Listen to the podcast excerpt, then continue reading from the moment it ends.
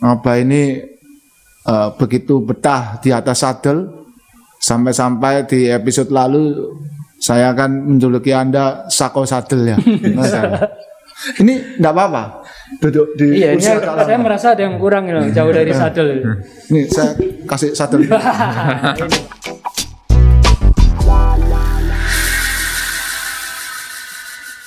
Halo, jumpa lagi dengan saya Johnny Ray di podcast Main Sepeda episode 39. Nah, kali ini kita akan membahas puasa goes atau goes puasa. Nah, memang hari ini Om Asa berhalangan hadir, tapi saya membawa tiga teman dari AASOS. Ya, mungkin sudah ada yang hafal. Teman pertama adalah Aba Asril. Aba Asril ini kita juluki manusia sadel juara kilometer di Strava juara dunia Strava pada bulan 8 tahun lalu ya Pak ya. Ya. Nah, kedua saya perkenalkan Om Faisal Arif, kelamber ASOS yang salah satu yang terkuat juara Bromocom tahun 2020 di kelas Brompton. Yang ketiga Dr. Ahmad Mahendra, dokter kandungan yang biasanya kita ngomong dokter anak beranak. nah, di bulan puasa ini sudah akan segera tiba. Muncul pertanyaan. Eh, sebentar, Pak. Kok rasanya saya enggak ada yang enggak enak ini? Apa itu? Saya kok enggak pakai helm. Oh Itu iya? helm saya, Oh, Pak. ini ya tadi Iya. tapi pakai wah. Ini keterusan nanti Bahaya ini. dibawa pulang nanti enggak enak. Nanti saya Iya. dikira Johnny Ray nanti. Iya, makanya. Iya. Enggak apa enggak apa-apa, Pak. Nanti saya titip Garmin ke Anda. Ah, ini baru. Baru pantas ya. Baru Iya. pantas. Ya, Gini. dengan- agak miring dikit nah, pas. Miring gini. Ah, ngomongnya baru agak loncer. nah, ketika bulan puasa tiba, kita akan punya banyak pertanyaan pasti ya. Ini goesnya ini terus atau lanjut? Karena puasa itu kan pasti dimulai dari subuh sampai maghrib kan, ya. Iya. Jadi eh, kita ini eh, di Indonesia yang mayoritasnya beragama Islam pasti banyak yang puasa. Nah, pasti pertanyaannya terus goes apa enggak? Nah, tentu saja kita harus bahas karena eh, banyak yang netizen yang follow saya itu juga banyak yang tanya, Mas Om, goes puasa ini gimana? Bulan puasa ini sudah dekat, gimana? Nah, kita nanti akan satu-satu dibahas, tapi saya mulai dari Abah Asrul sendiri. Ketika puasa meneruskan bersepedanya ini bagaimana, Pak? Oke, terima kasih sebelumnya. Kalau yang namanya puasa itu ya, itu kan ibadah yang wajib eh, satu bulan dalam satu tahun kita laksanakan. Ya, Dan semestinya puasa itu bukan menjadi penghalang bagi kita untuk melakukan aktivitas kita yang rutin sehari-hari. oke. Karena puasa itu sifatnya nanti kalau dari apa eh, kebiasaan kita hari-hari itu hanya merubah saja kok ya. Kalau yang namanya makan, yang merubah jam makannya saja, polanya berubah selama satu bulan. Ya sudah banyak sebenarnya pembahasan itu dari sisi kesehatan maupun dari sisi syar'inya. Intinya bahwasannya puasa memang membawa kebaikan Ya, ya baik secara eh, rohani maupun jasmani. Nah kita sebagai koweser ya kita lebih fokus kepada hal yang sifatnya jasmani itu tadi. Nah sekarang pertanyaannya adalah apa saya tetap bersepeda di bulan puasa? Kalau Ya. saya pribadi ya tetap bersepeda. Loh, Ya. kan lapar nanti. Hah? Kan lapar. Lapar pasti ya. Cuman masalahnya adalah kapan saya bersepedanya gitu loh. Kalau saya bersepedanya pas waktu puasa, Ya, laparnya pasti melebihi dari yang hari-hari biasa kita nggak puasa. oke. gitu. Gitu. Jadi caranya bagaimana? Ya mengatur itu tadi. Kalau bisa kita bersepeda Ya. pada saat kita sedang tidak puasa. Jadi setelah maghribnya itu. Iya, itu yang paling paling ideal kalau bagi saya ya. Oke, kalau bagi ya. saya itu adalah saya memanfaatkan memanfaatkan waktu di mana saya tidak berpuasa. Tujuannya apa ya? Tujuannya untuk supaya eh, badan ini tidak terlalu kaget Ya, terutama di awal-awal puasa. Oke. Kalau di awal-awal puasa saya biasanya eh, bersepeda itu di luar dari jadwal puasanya. Jadi murni dari pagi sampai sore kecuali kalau menjelang maghrib gitu ya. ya, Kepengen uh, selama waktu dulu perlu kenal yang namanya trainer ya keliling dekat rumah saja, kilometer dekat. Setelah itu pulang sudah menjelang buka puasa. Oh. Tapi kalau tetap mau mempertahankan intensitas yang kita apa miliki sekarang, Betul. nah itu mau nggak mau memang kita harus menggesernya ke malam hari. Seperti contohnya saya, Ya. saya suka menjaga kondisi dengan menggunakan trainer di Swift gitu ya. Ya. Ya waktu Swiftnya diubah ke malam hari gitu. Berapa lama ini, Pak? Nah berapa lamanya ya tergantung anu apa eh, maunya berapa gitu ya. Nah, yang sehari-harinya, yang Oh, sehari-harinya. kalau sehari-harinya saya biasanya sih antara satu jam dua jam lah. Kalau untuk jaga kondisi, kecuali kalau untuk ada hal-hal yang khusus gitu, nah itu nggak usah kita. ini Melebih- temennya semua loh, Pak. Iya. Satu dan dua jam itu mungkin untuk musuhnya mungkin. Iya. untuk kompetitornya. Iya, iya, iya. Ya jadi itu bagi saya itu uh, uh, bersepeda di bulan puasa itu tidak ada penghalang. Jangan jadikan puasa sebagai penghalang, tetapi jadikan puasa itu uh, menjadi suatu apa motivasi bagi kita untuk mengatur supaya kita tetap bisa bersepeda bagaimana untuk tetap bisa sehat. Ya, karena tujuannya kita bersepeda di bulan puasa itu tetap mencari sehat, tetapi bukan mencari hebat. oh, Ada kalanya teman-teman ya terus terang, bahkan saya dulu, dulu pernah mengalami juga ya. bersepeda itu di bulan puasa apalagi pengen menunjukkan kehebatan. Hebatnya di mana? Ya berpuasa eh, bersepeda di saat sedang berpuasa, Ya.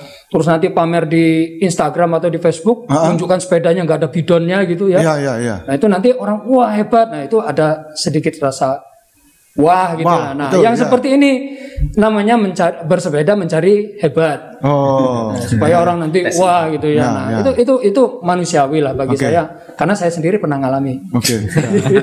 Menjalani ya. Nah, menjalani itu. Tapi setelah tak pikir-pikir, wah ngapain kok ya menyiksa hanya demi eh, apa di dapat sedikit pujian dari orang lain. Lama-lama semakin tahu bahwasannya ternyata berpu- eh, bersepeda pada saat berpuasa itu juga ada resikonya gitu ya. Oh, oke. Ya, resikonya cukup tinggi, terutama masalah dehidrasi ya. Ya dehidrasi. nanti akan dibahas oleh Nah, Bapak betul nanti diba- dokter, akan ya. dibahas oleh secara spesifik oleh pakarnya sendiri. Tapi bagi saya, saya pernah ya seperti itu. Nah, eh, bersepeda pada saat bulan puasa, ya nggak mesti kita menunjukkan kita sedang berpuasa itu enggak. Iya. Jadi kalau umpamanya kita sedang berpuasa, bersepeda, bawa bidon, terus orang lihat di fotonya, wah nggak puasa ya, ya nggak apa-apa. Mungkin orang sedang uzur ya, Iya. sedang apa ya itu itu urusannya lah. Tapi kalau umpamanya kita bersepeda kita puasa bawa bidon juga nggak apa-apa.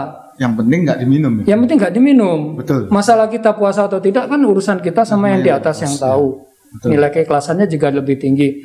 Nah saran saya kalau tetap mau berpuasa di bulan apa bersepeda di bulan puasa siang hari bawa aja bidon nggak apa-apa yang pertama itu untuk melatih apa eh, ke- keimanan kita ya Ya. supaya ini ada ada anu, Air. ada ada air tapi saya nggak minum terus yang kedua menjaga nih kalau seandainya dehidrasi itu kan nggak mesti harus minum Oke. Om Rey, jadi bisa saja banyak air itu nanti dipakai untuk nyirami badan, apa, asal jangan nyirami mulut Nah, gitu ya. kalau anu Wajah. lewat sedikit itu. Ya, itu asal jangan disengaja nggak apa-apa. Oh, iya, Terus yang ketiga, nah ini yang penting, Iya. menjaga nih kalau kalau lupa. Lupa apa? Iya, jadi pas puasa mancal, terus minum. Oh, Kalau lupa itu secara hukum syar'inya nggak apa-apa. oh lupa. Iya lupa. Jadi kalau lupa minum pas puasa, oh baru ingatnya nanti setelah puas pulang. Loh kan saya puasa kok tadi minum. Gak apa-apa jalan terus. Namanya lupa. Namanya lupa. Kalau lupa itu nggak kena hukum agama gitu ya. Oke. Jalan terus. Itu Terus, itu jadi- cuman bidon yang boleh di sepeda. Ya Kalau terserah. Karenya ditaruh di situ juga boleh. Untuk tapi dengan niat untuk buka puasa nggak apa-apa ya. Oh. Oh, takut-takut nanti saya Ya. saya mancalnya sampai berbuka nah, itu nggak Ya, apa-apa. Oh iya iya. Ya, jadi jaga nih kalau kalau kalau lupa gitu. Nanti diingatin waktu mancal, kamu jangan ngingetin saya puasa ya. Iya, betul, betul. Saya tuh punya pengalaman temen-temen juga waktu puasa. Dia tuh kalau saya telepon waktu puasa itu jam kerja nggak bisa ditelepon. Dari jam 8 pagi sampai jam sore jam 4 nggak bisa. Ternyata dia bisa dikontak itu setelah jam 6. Dia bilang malam itu dia dibalik sama dia. Mungkin nuruti sarannya apa ini. Dia kalau puasa itu eh, apa hari kerjanya itu dibuat tidur uh, maghrib ke atas itu baru bangun dia jadi jamnya dibalik Tidak Dia- aktif apa pindah jam jam biologis. pindah sama biologisnya dipindah sama dia. Jadi tidurnya itu pagi harinya. Nah, pertanyaan saya kalau apa tadi ngomong sepedaannya pindah jamnya eh, apa sehat apa masuk akal sepeda jam 7 malam ke dan seterusnya itu tadi. Oh gitu. Ya. Sel- Selain di training gitu ya, Hmm. selain di trainer itu ya maksud saya ya, gitu loh. Kan tidak semua punya trainer atau semua juga belum tentu betah Ya. seperti anda, karena ya bagi yang belum tahu di episode yang kesekian tuh apa ini eh, begitu betah di atas saddle sampai-sampai di episode lalu saya akan menjuluki anda sako saddle ya. Ini enggak apa-apa. Duduk di Iya, ini kursi agak- lama. saya merasa ada yang kurang ini, jauh dari sadel. Nih saya kasih saddle.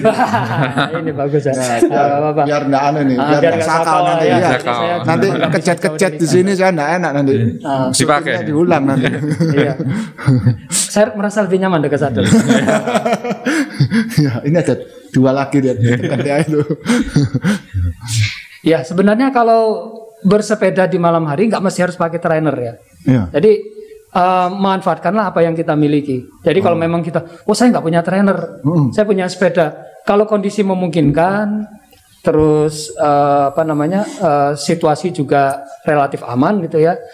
Anda pakai sepeda ya silakan ya. Mungkin yang tinggalnya di kota gitu ya, silakan berputar. Istilahnya sekarang orang-orang bilang apa? Naik ride ya. Night ride ya. Naik ride ya. ride, Silakan ya. nggak apa-apa. Dan bersepeda di bulan puasa itu memang banyak pakar yang menyarankan kalau dulu ya seperti saya bilang tadi waktu zaman masih bersepeda mencari hebat bukan mencari sehat. Pokoknya ya ajar-ajaran gitu ya. Mau Ya. bulan puasa semakin ini semakin orang bilang, "Oh, puasa kok nanjak." loh. Ya. Semakin merasa wah gitu. Ya. Tapi sekarang enggak. Kita berpikir bulan puasa cari sehat. Oke, betul. Sepeda cari sehat. Eh, di luar puasa juga sama, bersepeda juga mencari sehat gitu ya. Ya. Nah, kalau di bulan puasa mencari sehatnya berarti apa? Harus mengimbangkan antara eh, kondisi fisik yang sedang berpuasa dengan eh, bersepedanya. Nah, yang saya pelajari pada waktu bulan puasa kita tetap bersepeda, kalaupun tetap siang hari kita harus mengurangi intensitasnya. Ya. Jadi kalau biasa kita intensitas berat ya kita turunkan menjadi medium atau menjadi rendah Untuk cari sehat. untuk mencari sehatnya itu tadi. Oke, bukan cari hebat. Bukan cari hebat, betul. Oke. Oke, itu dari Abah Azril. Untuk berikutnya kit- saya persilakan, tapi sebelumnya saya perkenalkan ke pendengar, Om Faisal ini teman lama saya di sepedaan di grup yang sebelumnya. Eh, meski kalau dibuka maskernya ini mukanya sebetulnya baby face.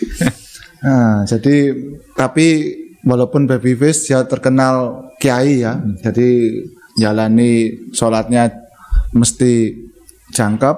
Terus kalau puasa juga taat.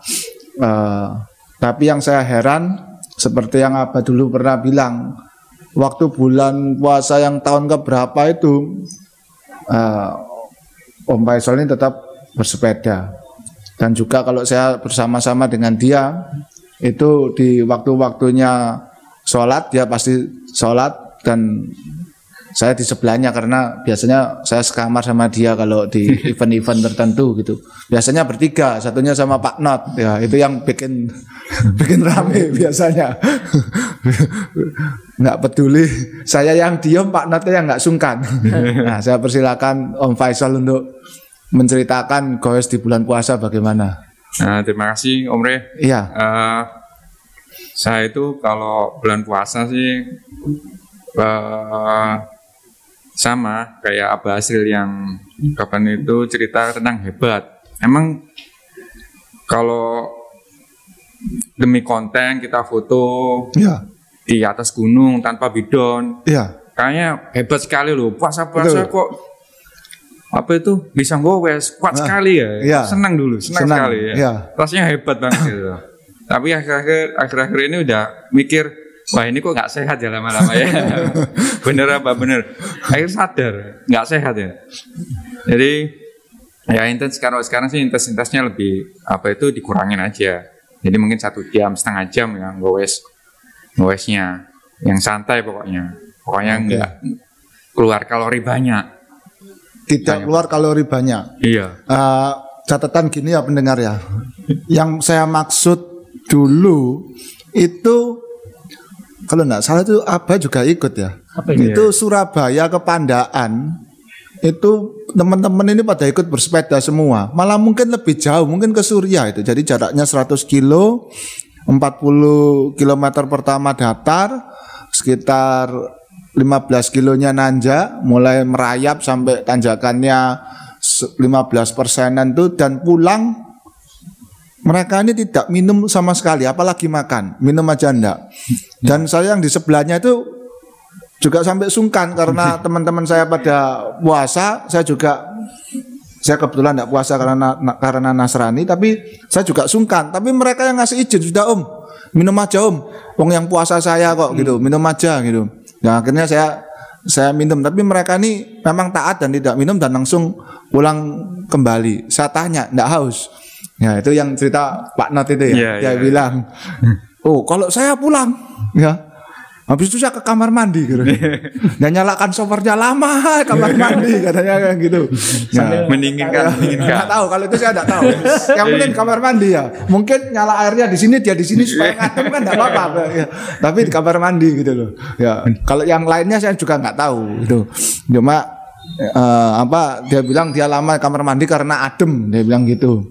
Nah terus akhirnya eh, setelah dari kamar mandi nyalain AC di kamar sampai maghrib. Sampai, sampai maghrib gitu. Dan itu sudah sudah dilakukan gitu. Sudah dia cerita waktu itu Pak Not. Nah itu berarti sekarang ini tidak mau dilakukan lagi? Eh, dulu kan pasti kalau gowesnya pagi ya jauh kayak gitu pasti pulangnya nyalain nasi sama iya sampai maghrib. nah yang goes jauhnya ini yang goes hebatnya ini bagaimana Kalau ya akhirnya yang enggak lagi om. oh enggak Enggak lagi lagi. Oh, Karena tahu sih saya. Dari apa itu nahannya itu sampai maghrib itu yang setengah mati setengah mati. Belum belum lagi kodak-kodakannya. oh iya iya iya iya itu kan sekarang banyak ya Pak ya Iya. bisa lihat eh, YouTube yang nggak tahu kalau orang ini lagi puasa ya iklannya tetap sama iklan makanan ya. Atau eh, teman WA gitu loh. Wong ini sudah jam segini kok di sana kan gitu ya gitu. atau ada yang dengan dalam tanda kutip lancang tahu-tahu ngirim makanan jamnya salah kan Ya. gitu ya itu- ini kan godaan yang real gitu Ujian, ujian iya, gitu. iya. Memaksa lupa tadi itu ya. Eh. memaksa lupa. Godaan banyak sekarang. Apalagi di story kan sering Oh iya iya iya story. nyala nyala Ya, ya ini story kan PO update. ini PO itu ya kan namanya orang usaha kan storynya nyala terus ya. ya. Iya. iya. Terus kalau Om Faisal di, nan- eh, ketika nanti ini puasa yang kali ini niatnya bagaimana untuk jaga kondisi? Karena kan jaga kondisinya gimana ya? Yang eh, gini pendengar kalau di kelompok kita ini kan nggak terima alasan ya. Mau mau puasa dah mau nggak puasa Ya, gitu. ya, maksudnya setelahnya setelah setelah bulan puasanya lewat itu kan ketika berlatih tahu-tahu ketika latihan bersama tahu-tahu kewer itu kan alasan sebulan puasa itu kan nggak nggak bisa dipakai ya gitu loh.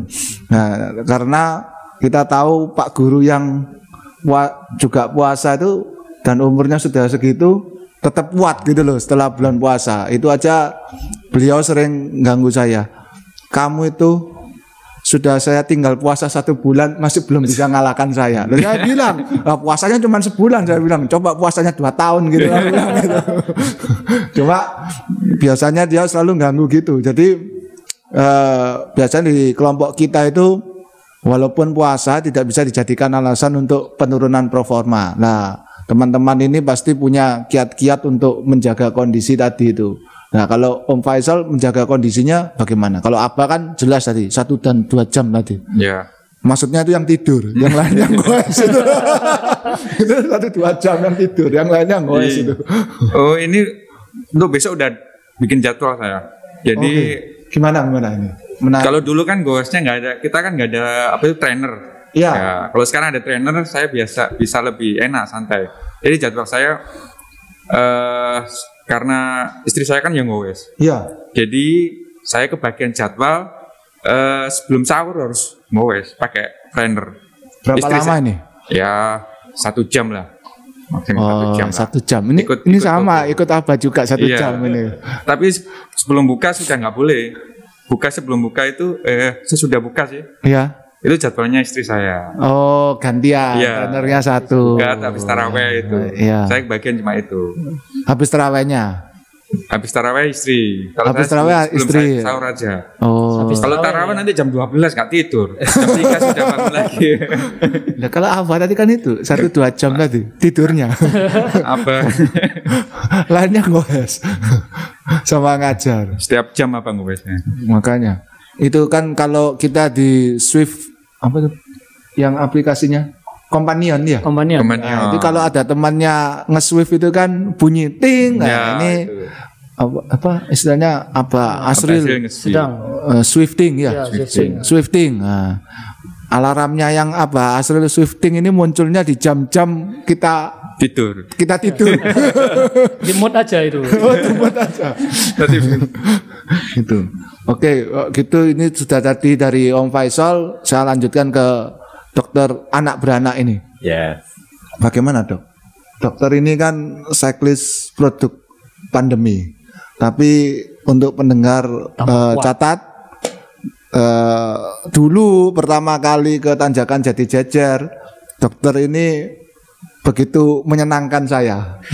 Karena saking nggak kuatnya, kita harus menunggu dokter ini makan di warung di tengah-tengah Tanjakan. Ya saya ingat itu. itu saya dan eh, dosen Dita sangat senang sekali, sangat waktu waktu itu gitu. Tapi seiring berjalannya waktu, dokter ini cepat sekali kuat dan dia kurang menyenangkan buat saya karena sekarang saya termasuk yang ditinggal jadi ya ya gimana ya ya gitulah dok. jadi dokter ini berprestasi di eh, sepedaannya. Jadi kita panggil sini untuk menjelaskan bagaimana nutrisi eh, badan ini yang betul bagaimana ketika kita berpuasa karena kalau dokternya nggak cyclist rasanya kurang paham ya pasti singkat ya ya sudah. Kalau puasa jangan sepedaan kan gitu ya. Padahal ya itu tadi kalau setelah sepedaan tahu-tahu kewer sama temennya itu kan tetap dibully. Kan nggak ada notnya di situ ada remarknya ada disclaimernya kan nggak mungkin. Maaf tidak bisa banter karena habis puasa ini kan nggak ada catatannya gitu. Monggo dok. Ya, ya. Terima kasih. Om kalau di ngomong pernah gowes pas puasa tahun lalu, pernah. Karena itu pertama kali juga baru satu dua bulan beli road bike, terus kemudian ketemu puasa. oke. Belum ketemu grup-grup yang aneh-aneh ini sama Oh. sekali. Mencoba gowes pun malam aneh. merasa agak aneh juga pakai road bike malam-malam pakai bib pakai jersey. Terus hanya pakai buff? Pakai buff ya. Lenggis loh nah ini kan pakai buff sama lenggis. Oh iya iya. Sarung. sarung. Itu pun dicoba setelah eh, di atas jam 7 dicoba hanya dalam dalam kota. Paling hanya maksimal jam 8 oh ini keluar ya? Bukan Keluar. seperti apa ya? Keluar waktu ya? itu hanya taunya sepeda road bike itu di luar. Belum Oke. tahu kalau ternyata ada alat Trainernya, trainer. ya. belum belum punya juga. Ya. Keluar sama istri ya sudah hanya keliling kota balik lagi pulang mencoba dalam satu minggu itu hanya dua kali. Ya bertahan hanya dua minggu aja. Dua minggu terakhir sebelum lebaran sudah nggak dicoba lagi karena belum menemukan nikmatnya goes di malam hari waktu itu. Waktu itu. Betul waktu anu itu. mungkin jendela-jendelanya gembokannya rapat semua mungkin. Mungkin dulu kalau teman-teman ASOS punya porsi malam mungkin ikut ikut, ikut juga mungkin. Oh. Tapi karena malam semuanya belum mengenal eh, istilahnya suffering di malam hari, Ya. jadi ya hanya bertahan dua minggu. Setelah itu kita ya sudah nanti aja mulai lagi benar-benar latihan itu nanti setelah Lebaran. Oh. Ternyata setelah Lebaran kenal teman-teman ASOS, ASOS. baru mengen- mengenal oh ternyata road bike itu seperti ini dan saya mengakui saya paling kewer di belakang. Ya, waktu itu awal-awal aja nih pendengar, awal-awal aja. Sekarang dan, enggak. dan bahkan tidak finish waktu itu. Jadi Dulu jejer pertama tidak finish itu. Ya, dulu sempat saya itu sudah ingin menyerahkan apa itu eh, Title. title asuransi asuransi ride itu ke dokter ini tapi tidak jadi cuman dua, dua kali ride tok belum komplit. Dia baru kategorinya kewer, Heeh. finish belakang. iya Enggak finish, Pak. Enggak finish. Enggak finish, ya. Belum belum masuk kategori kesasar belum kan? Oh, belum. Oh, belum. oh belum Belum oh, komplit. oh, belum komplit Sekali pernah kesasar pas waktu rute Jolotundo. Oh, deket. Saya masuk ya ke cuma cuma gini aja tuh Iya, salah. belum pernah kesasar di negara lain, no? Oh, belum. belum. Saya sudah pernah di Madura. ya itu jauh apa kesasarnya itu jauh sekali itu 300 kilo, 300 kilo. ya itu untuk untuk pengalaman yang lalu terus sekarang kan sudah mau mendekati puasa saya juga mulai memikirkan ah harus harus mulai punya program ini gimana caranya puasa ini benar kata Om Re jangan menjadi sebuah alasan setelah lebaran jauh dari teman-teman itu karena alasannya adalah puasa. ya Salah satunya walaupun saya senang loh oh ya. ya walaupun kalau ada masa di mana anda nanti Iya. berusaha kuat lagi itu nggak apa-apa. Ya. rest is power kata dokter satunya itu ya, ya. akhirnya powernya dia less terus. Bahkan jobnya yang terakhir dokter satunya itu terakhir bersama kita hanya rute recovery di dalam kota itu bahkan dia mungkin saya lebih berminat join ke grup sebelah. iya Grup yang Iya, grupnya- perempuan-perempuan. iya perempuan-perempuan Perempuan-perempuan. lebih damai katanya Lebih damai betul. Jadi mungkin sama kayak Abah sama Faisal, cuma saya akan menyempatkan hanya satu jam aja. Berbeda sama Abah. Kalau Abah tadi konsisten di satu dua jam hanya untuk istirahat. Kata Om Re ya, Ya. kita nggak tahu. Tapi kita kita cek aja nanti di Strava. Ya itu kan sebetulnya bisa dibuktikan nanti Betul. Ya. di lognya Strava itu kan ada ya. Ya. Nah, Di mana kita siap-siap capek mencet kudos. capek gitu. Karena apa-apa terus. Perasaan tadi udah di Kudus ya. Oh iya. Mungkin saya hanya gitu maksimal hanya 1-2 jam untuk intensitas indoor trainer. Eh, dan itu mungkin saya kan masih punya kewajiban bekerja. ya. Saya range lagi dapat dapat waktu pas itu kemungkinan di atas jam 7. Di atas jam 7 Di atas jam 7 malam. baru bisa Baru bisa latihan indoor trainer. ketika bulan puasa. ketika bulan puasa karena masih harus ada kewajiban bekerja Dan terus ya dan yang lain-lain. Apalagi bulan puasa ini yang pingin gowes setelah buka puasa adalah dua orang di rumah. Oh. jadinya mau ndak mau sudah disiapkan dua trainer. Oh. daripada nanti seperti kayak kat- kata Om Faisal tadi. Iya, harus berebut Ya. akhirnya punya jatah. Atau punya jam-jam khusus saja gitu. Iya. tapi Om Faisal juga bisa loh sebelum sahur. Sebentar, Ya. saya- mungkin mungkin bisa di anu, dok, Ya. divariasikan. Jadi sepeda tandemnya dimasukin ke trainer. Oh, Satu trainer untuk dua orang. Dua orang. tapi akunnya satu loh pak. Nggak apa-apa. Akunnya Nah, satu sama ini, gitu. ini nggak nggak mau ini dua-dua harus eksis ini. Ya. Powernya gede loh dok. Nanti bisa 700 terus itu. Jadi Nanti powernya double. kokonya bisa di overlap. Iya. Double motor saya. ya itu sih. Terus kalau saya kalau di ngomong apakah ahli dalam hal nutrisi atau dokter sepeda enggak juga karena saya spesialistiknya kan di bidang yang lain yang tadi kata Om Re. Tetapi saya hanya sekedar sharing aja, saya membaca beberapa referensi. Memang rekomendasi khusus atau jurnal khusus yang membahas tentang bersepeda di bulan puasa hampir tidak ada. Karena jurnal-jurnal yang eh, modern itu penulisnya adalah teman-teman dari luar. Iya. Nah, mereka juga mayoritasnya juga eh, bisa dikatakan mayoritas puasa juga enggak juga. Iya.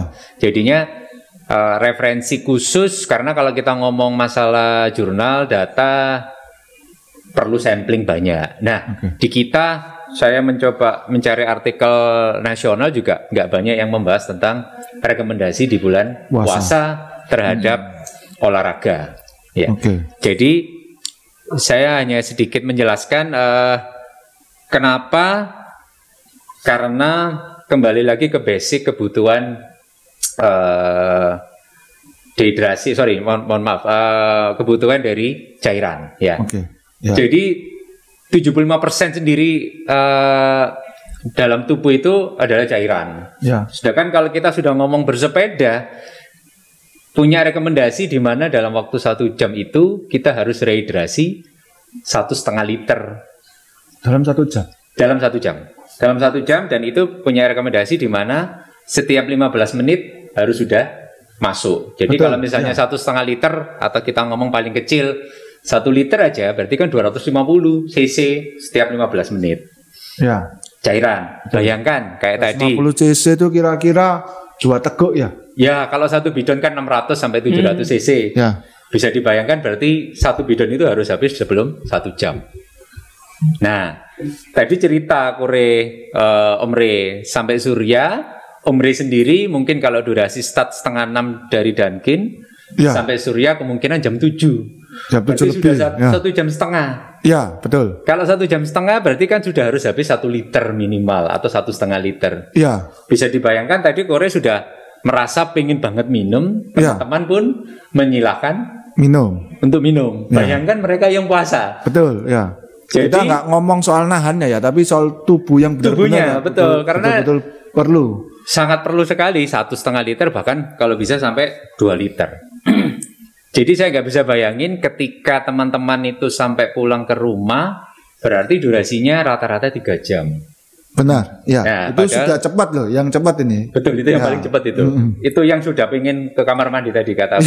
Kondisi Ya. normal ya. Ya. Betul. Nah, sedangkan pada kebutuhan eh, cyclist atau olahraga di mana yang sudah lebih dari tiga jam, itu kebutuhannya bukan lagi cairan, dia harus menambahkan sebuah karbo dan elektrolit. Bayangkan. Berarti yang pertama modal puasa, eh modal sahur tadi adalah makan satu porsi makan kurang lebih dan temannya yang mungkin minum, Ya. snacknya buah itu sudah memenuhi kebutuhan kalori per hari. Rata-rata mungkin satu porsi plus temannya total 1.600 kalori. Ya, Ya, kalau kita ngomong tadi apa? Berat 55 kilo ya, Pak ya? Hmm. Kurang lebih ya. Kebutuhan kalorinya apa? Mungkin maksimal di 2200. Kebutuhan kalori. Puasa tadi sampai sore itu ya. sampai sore, sorry, satu hari. Satu hari, oke. Satu hari 24 jam. Jadi kalau sudah sahur bisa kita bilang modal 1600 sampai 2000 maksimal plus air mungkin sudah 2 liter. Tadi goes sampai rumah jam 9 jam 10 sudah habis modal untuk pagi hari. Sahur itu.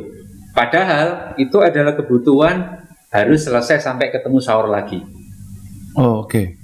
Karena 1600 sampai 2000 kalori untuk makanan, Ya, cairannya kurang lebih 1000 1600 maksimal kebutuhannya selama satu hari. Dan itu dihabiskan teman-teman tadi yang naik ke Surya dalam tempo waktu 3 jam atau rata-rata jam 9 jam 10 pagi sudah habis. ya. Jadi eh, untuk tambahin info ke Ya. pendengar, Surya itu dari Surabaya sekitar 50 kilo. Ya. eh gradiennya total elevasinya 800 ya kira-kira. Iya, 800. 800. 800 ada gradien 18 persennya dua ki- satu kilo ya Iya, kira-kira. kurang lebih. Satu kiloan, jadi ya bisa dibayangkan kira-kira seperti itu.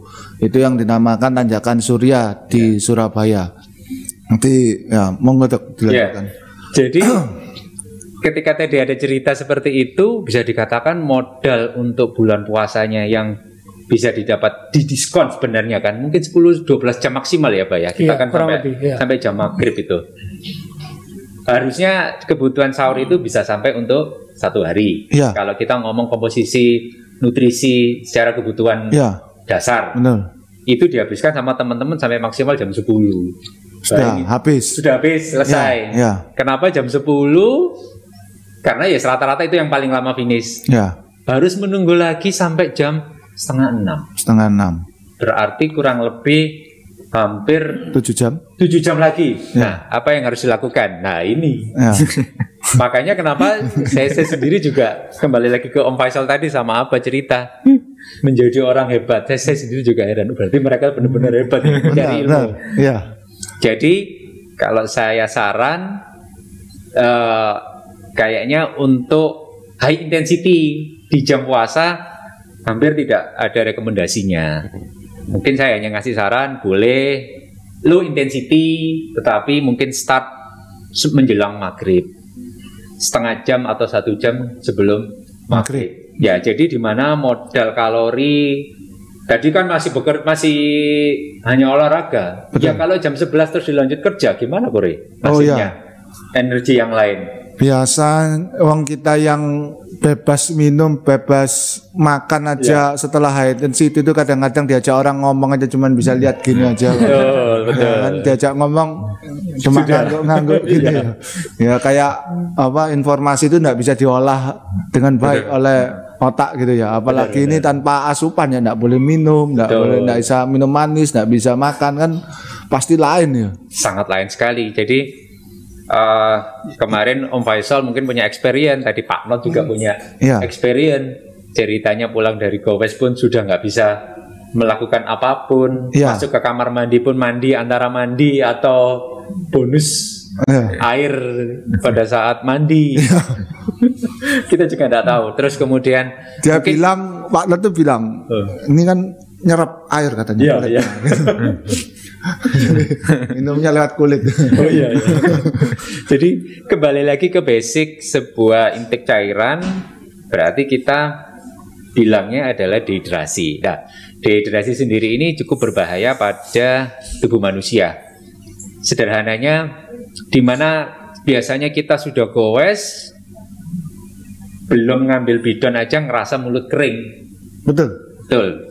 Ke mulut kering, kadang sudah mulai agak sedikit ngos-ngosan, itu sudah masuk ke kategori sedang, dehidrasi sedang. Jadi Loh, perlu Ngos-ngosan itu termasuk dehidrasi. betul ngos-ngosan. Tapi kita ngomong bukan yang high intensity loh ya. Ya. Kita ngomong low intensity, mungkin zona 2, kemudian konstan, kemudian kita merasa mulutnya kering, Ya. agak sedikit ngos-ngosan, itu sudah mulai tanda-tanda dehidrasi sedang. Nah, makanya kita harus segera minum. Nah, kembali lagi tadi kasus teman-teman yang sampai pulang di rumah, kalau misalnya dia merasakan mulutnya kering, terus kemudian sudah mulai lesu, Ya. terus lemah, kita nggak ngomong rate dulu ya, Ya. berarti sudah masuk ke kategori sedang, dehidrasi sedang. Tetapi di mana mereka sudah benar-benar rest, istirahat, dilihat garminnya, mohon maaf, paycomnya, Ya. ternyata heart rate-nya masih tinggi, terus kemudian merasa demam, itu sudah masuk kategori dehidrasi Eh. berat. Oh. Sedangkan kalau dikatakan dehidrasi berat, itu dia sudah kehilangan hampir 15% air Dari tubuhnya. dari tubuhnya dan itu sangat berbahaya juga dan di mana kalau dalam dehidrasi berat dilakukan terus setiap hari katanya Om Faisal kayak rute kita setiap hari pandaan Ya. misalnya Surya. Surya Ya. Kalau nanti weekend long ride long ride lagi Ya. kalau kita akumulasikan dalam tempo satu bulan sering dehidrasi berat lama-lama organ yang terkalahkan salah satunya ginjal dalam dehidrasi berat Wow. jadi apakah ada rekomendasi dalam puasa saya bilang tidak dirubah tadi seperti kata apa sama Om Faisal kita rubah jamnya. Jam. Hmm. Jam untuk eh, melakukan activity eh, indoor bisa atau outdoor activity. Biar enggak menjadi alasan setelah selesai lebaran bukan lagi alasan untuk satu bulan tidak goes melorot Melorot. Ya. Performanya maksudnya yang Iya, melorot. performanya bukan, bukan melorot. yang lain yang melorot. ya. Betul, betul, Performanya iya. yang melorot ini. Ya, itu tadi dok Iya. yang sempat saya eh, dokter singgung tadi. Jadi salah satu alasan yang mengapa saya terus merubah pola pikir dari apa men, kepengen kelihatan hebat Wah, tapi iya. mencari sehatnya itu Iya. tadi salah satunya karena ada dulu teman yang mengingatkan hati-hati kalau terlalu high intensity pada kondisi puasa ginjalmu yang terancam. Betul, betul. Ya, Karena memang prosesnya itu ginjal yang kerja berat ya dok ya. Iya. Pada waktu proses kita bersepeda itu.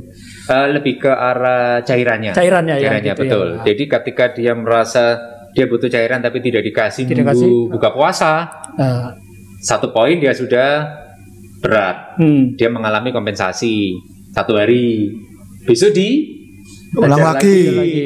30 hari diajar. Ya sudah Ya, ginjalnya. ginjalnya yang Ginjal, betul. makanya yang perlu diingat itu kadang-kadang kita eh, mengejar sesuatu yang ternyata mengalahkan sesuatu yang lebih berharga gitu Iya. itu yang kita khawatirkan jadi benar kata dokter tadi salah satu yang membuat saya terus merubah bersepeda waktu zaman belum kenal trainer itu saya ubah ke sore karena dengan harapan ginjal saya yang sudah kerja walaupun dengan low intensity kan tetap dia kerja Ya, cukup. ya. Begitu pulang sudah buka puasa dia sudah ter anu, Rehidrasi. ter- eh, terhidrasi lagi dengan Betul.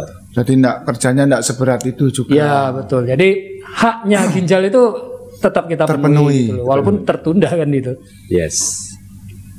Iya. Kalau menurut dokter sendiri, bagaimana kalau ini saya awam ya, bukan do- kalau saya waktu sahur itu mulai jam berapa? Setengah empat maksimal jam 4 Maksimal ya salah subuh, Azan. subuh. Ya. Jam Kalau 4 saya nabung makanannya dari jam 12 malam gitu, bantu nggak mestinya?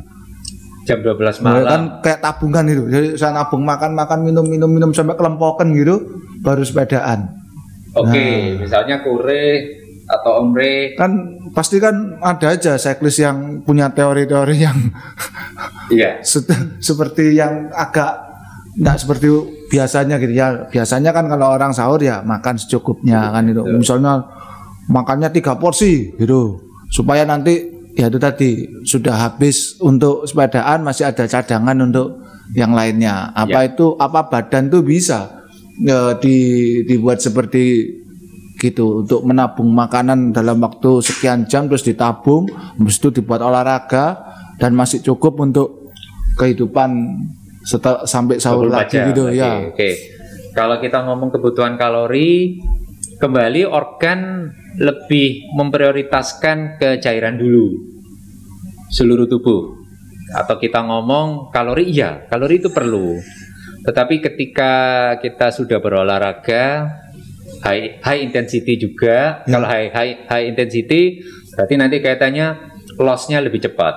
oh, Tetapi kalau kita ngomong kebutuhan cairan, kita maksimal kita ngomong berat badan Abah tadi 55 dibanding Mas Faisal tadi kan 67. ya Kalau Abah saya coba hitung kalkulasi kebutuhan cairannya maksimal 2200. Om Faisal kebutuhan cairannya 2600 2600 mililiter mililiter per hari. per hari Itu sudah mencakup 75%. Sedangkan ketika kita melakukan olahraga yang loss lebih cepat adalah cairan dulu. oh Sedangkan kalori kalau kita hitung lagi misalnya Abah tadi berat 55, kebutuhan kalorinya 1600 saja. Bisa dikatakan Abah beli soto ayam dengan es teh manis ya ditambah sedikit kerupuk ya sudah memenuhi kebutuhan 1600 misal untuk satu hari untuk satu hari untuk Abah.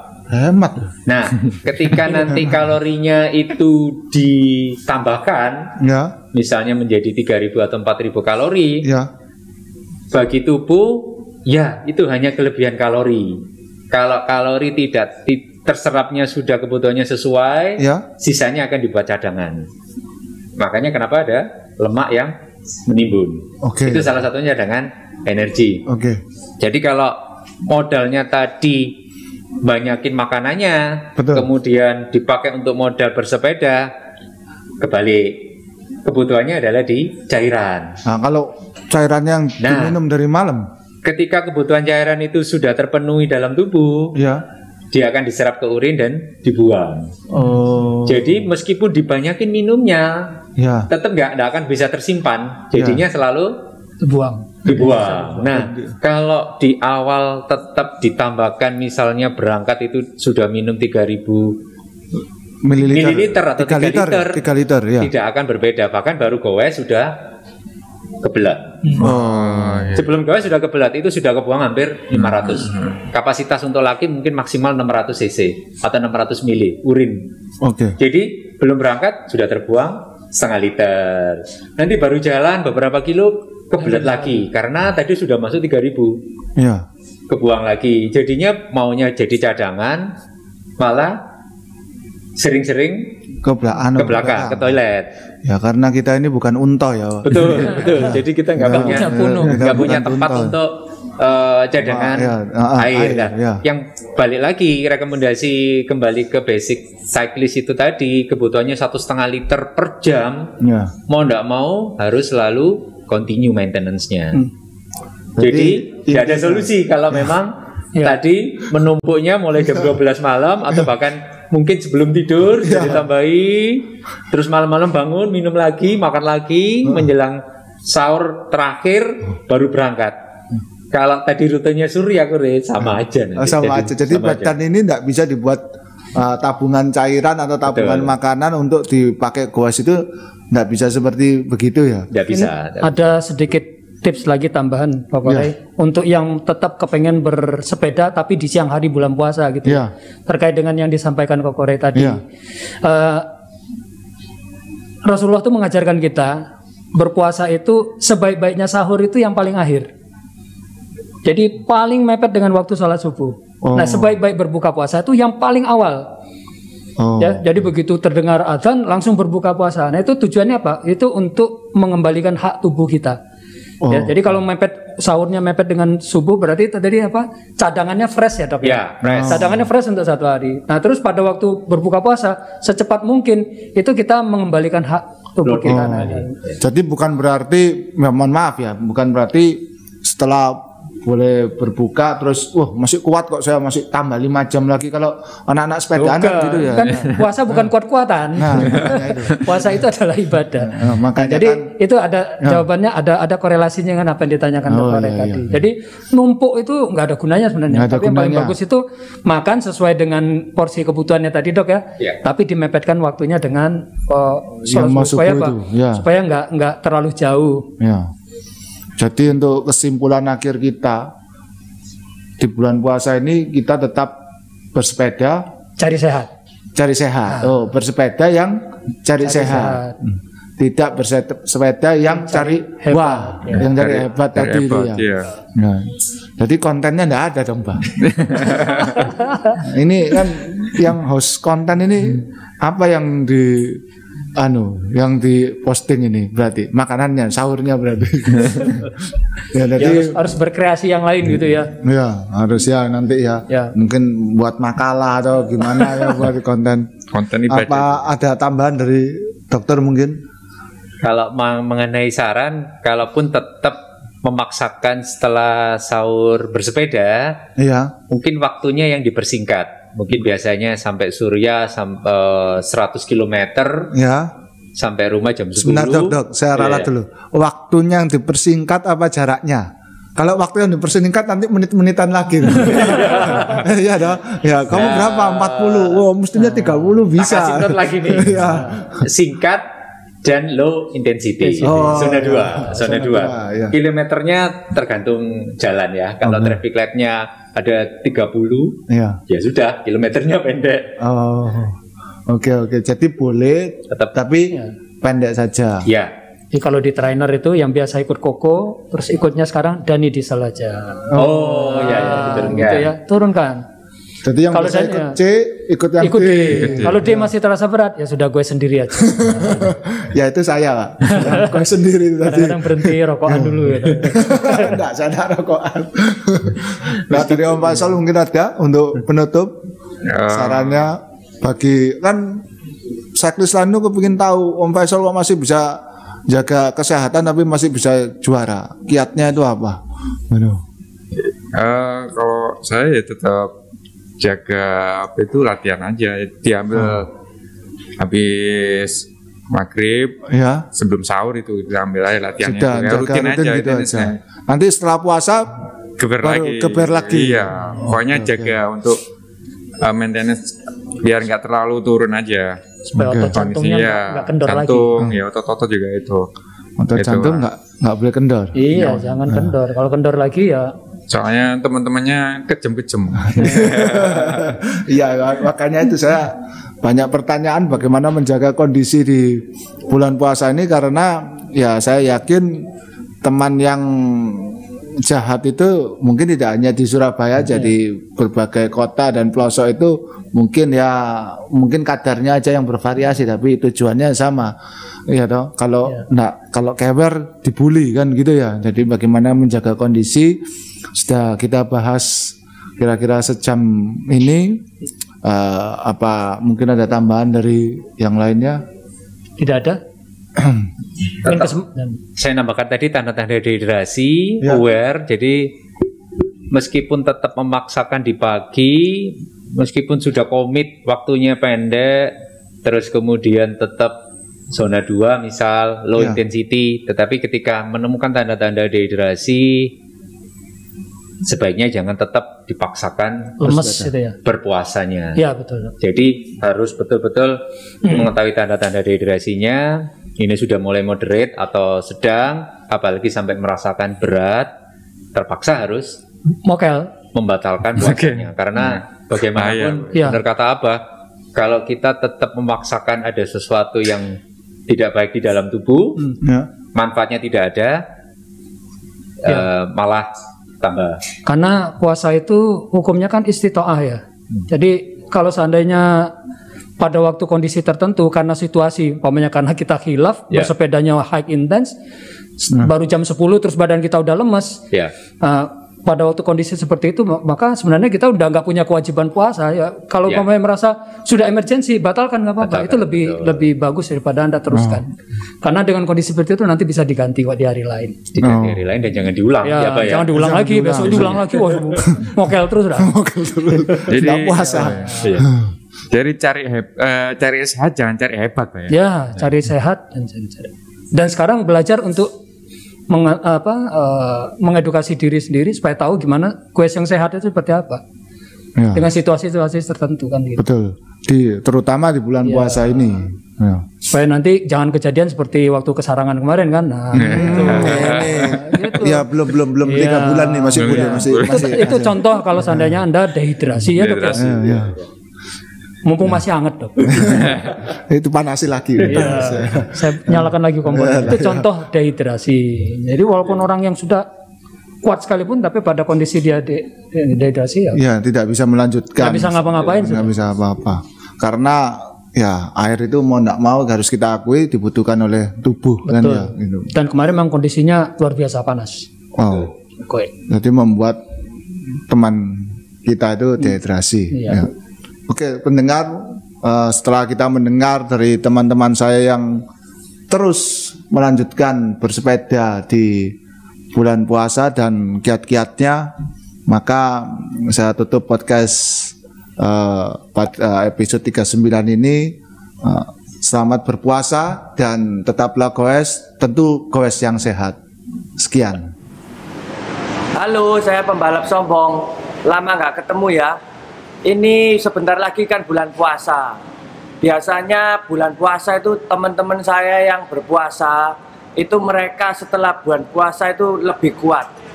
Karena mereka kalau berpuasa juga bersepeda badannya lebih cepat kurus. Jadi cocok buat cyclist yang masih agak gemuk-gemuk itu bulan puasa tetap berpuasa dan tetap bersepeda. Terus buat teman-teman saya yang tidak berpuasa, sebaiknya kalau bersepeda bersama mereka yang berpuasa itu mereka jangan disuruh narik. Jadi supaya tenaganya nggak habis. Terus kalau balapan jangan diajak balapan, jangan dipanas-panasi karena kalaupun kamu menang ya masa menang lawan orang puasa. Ya, gitu aja dari saya ya. Oke, selamat berpuasa.